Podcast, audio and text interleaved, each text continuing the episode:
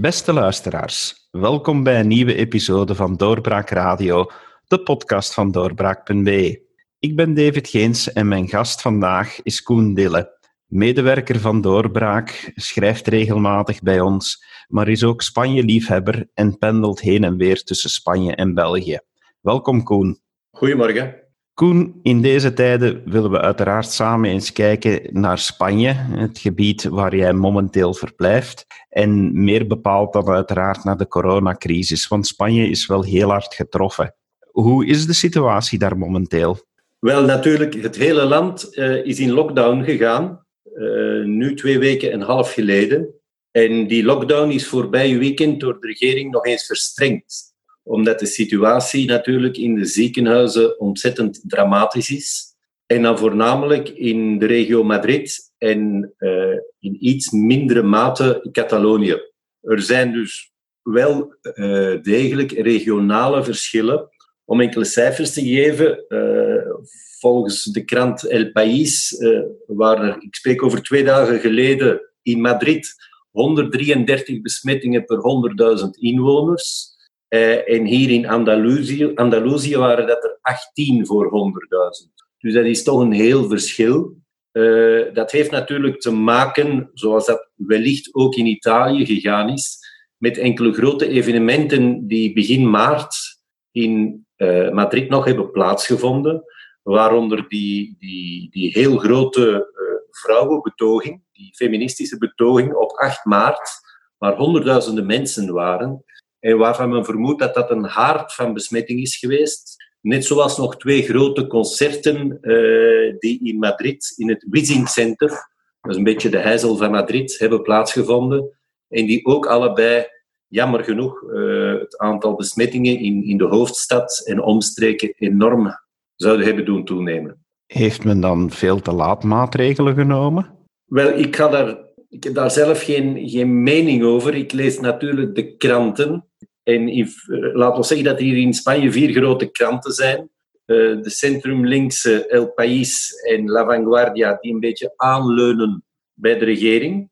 En dan de eerder centrumrechtse El Mundo en ABC, die meer bij de centrumrechtse oppositie van Partido Popular en Ciudadanos, uh, Ciudadanos aanleunen.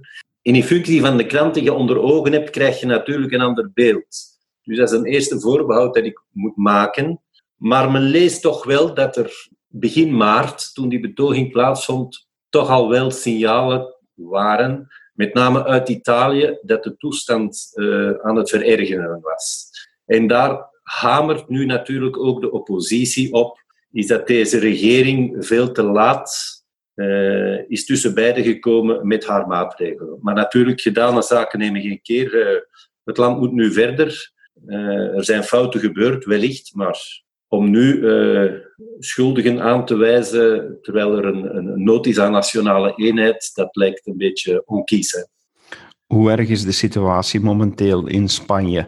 Wel, uh, de laatste cijfers zijn 85.000 besmettingen. Dat was, uh, ik spreek van morgen, hè, die worden natuurlijk elke dag upgedate, zoals in elk Europees land.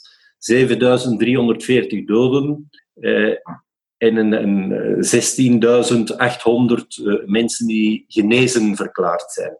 Dus de situatie is uh, zo dat Spanje jammer genoeg Italië aan het inhalen is. En men voelt dat ook. Men mag enkel nog hoogst noodzakelijke verplaatsingen doen. Dat wil zeggen naar de apotheker gaan of voedingswaren gaan halen. Met dan nog eens de verplichting de dichtstbijzijnde supermarkt of groot warenhuis uit te kiezen. In de supermarkt wordt u, moet je uw handen ontsmetten, je krijgt handschoenen. Het karretje waarmee je rijdt wordt ontsmet, je moet afstand houden. En men merkt ook wel dat de mensen dat respecteren, omdat men ziet dat iedereen bang is. Dat merk je enorm. In Spanje bijvoorbeeld, eh, ik denk een beetje in tegenstelling tot Vlaanderen, dragen de mensen overal een mondmasker. Zelfs als je naar andere auto's kijkt, mensen rijden rond met een mondmasker op. Dus daar is hier geen gebrek aan op het moment. Uh, de mensen zijn bang. Uh, het is een zeer vreemde, bevreemdende sfeer. En natuurlijk, zoals overal, de, de, economische gevolgen van heel deze crisis gaan voor, Frankrijk, gaan voor Spanje dramatisch zijn. Over die economische gevolgen gesproken, uh, daar zullen we het zo meteen nog over hebben. Maar je vertelde daar, ja, je moet naar de dichtstbijzijnde supermarkt gaan. Wordt dat ook effectief gecontroleerd? Dat wordt zeker effectief gecontroleerd. Er is ontzettend veel politie op straat. Uh, politie die ondersteund wordt nu door het leger. Uh, op alle ronde punten uh, bijna zijn patrouilles die één kijken of je wel alleen in de auto zit, want je mag je boodschappen alleen nog gaan doen als je alleen bent. Je mag niet met, als koppel of, of, of, of met iemand anders boodschappen gaan doen. en ten tweede kijkt men als je terugkomt, men vraagt je kastticket, men kijkt naar het uur dat je aan de kassa gepasseerd bent. En als je te lang treuzelt en nog niet thuis bent, dan krijg je daar opmerkingen over. Dus Nee, nee, je moet echt een geldig excuus hebben wil je vandaag in Spanje uh, op de openbare weg begeven. En worden er al boetes uitgedeeld?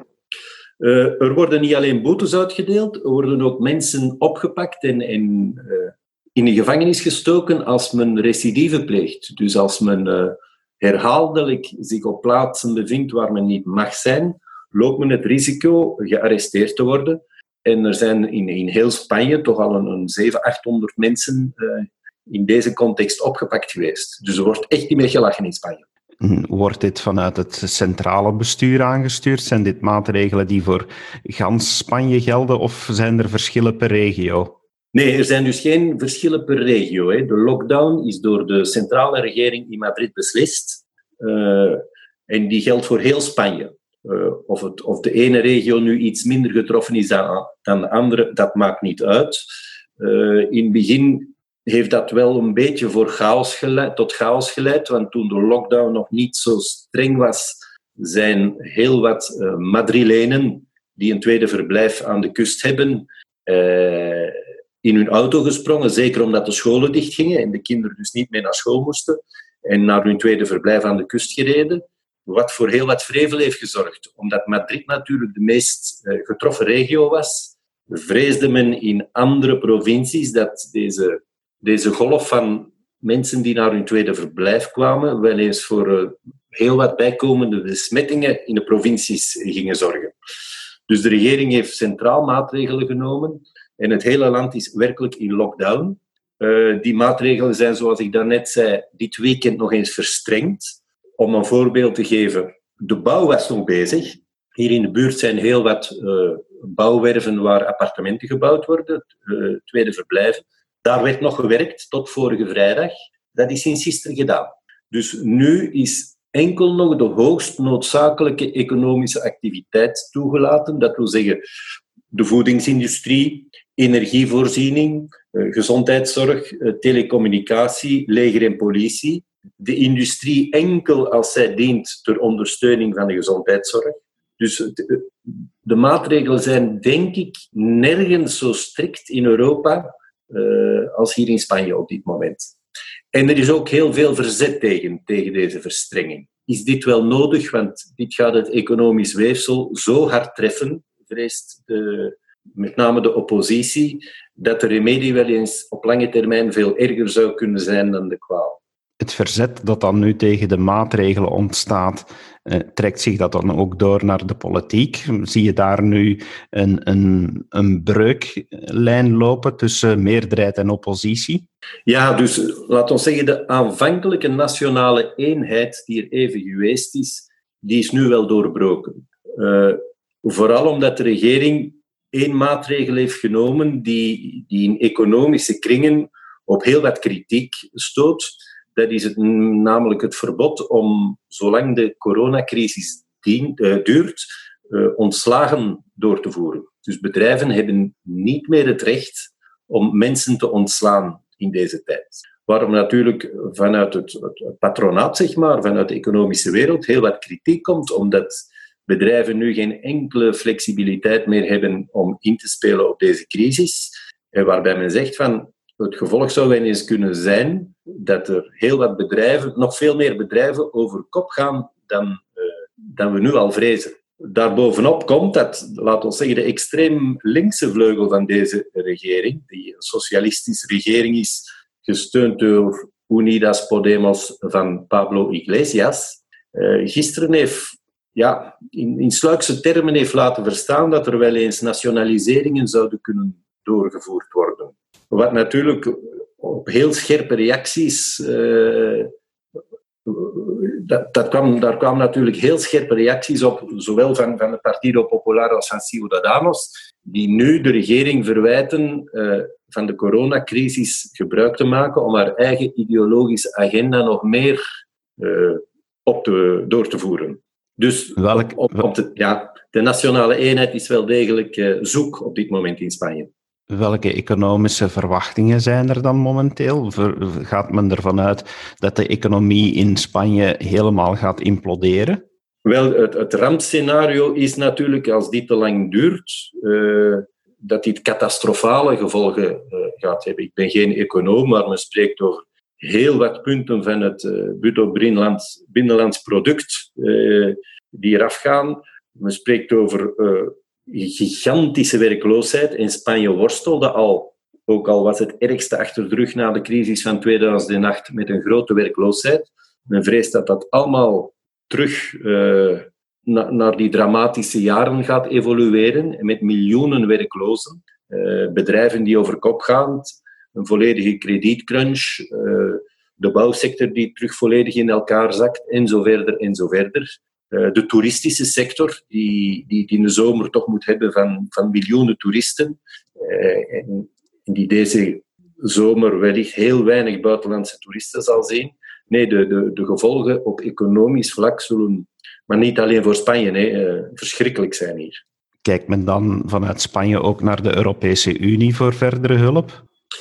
Wel, u, u zult dat wellicht ook gelezen hebben. Hè? De, de het latente conflict dat er al was uh, tussen de mediterrane landen, Portugal, Italië, Spanje, en laten we zeggen de meer rijke landen van de Europese Unie, Duitsland, Nederland en in iets mindere mate uh, Scandinavië, komt nu terug enorm aan de oppervlakte, waarbij de mediterrane landen de Europese Unie en dan met name in de eerste plaats Duitsland egoïsme verwijten. Hè.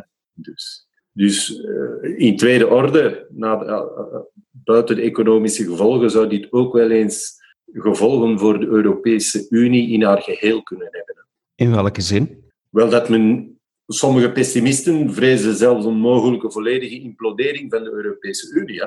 Als het vertrouwen zo zoek is, als de relaties zo verzuurd raken, hoe kan men dan nog verder met een Europese Unie die machteloos toekijkt op, op deze huidige crisis? Terwijl natuurlijk de, de, de, de, grote, de grote voorstanders van de Europese Unie zullen pleiten voor een, een centraal Europees gezag. Met name de voorstanders ook van die fameuze corona-obligaties, die in feite de, de euro-obligaties zijn, waar een aantal mensen voorstander van zijn. Terwijl de anderen natuurlijk zeggen, nee, dit, dit wijst er nog maar eens op dat, uh, dat de lidstaten hun soevereiniteit moeten kunnen bewaren, hè, in hun grenzen moeten kunnen sluiten. Hoe staat het nu eigenlijk met uh, de druk op de gezondheidszorg in Spanje? Um, kunnen ze het aan of is het duidelijk dat, dat het hele systeem crasht? Het hele systeem crasht niet. Je moet dat provincie per provincie bekijken.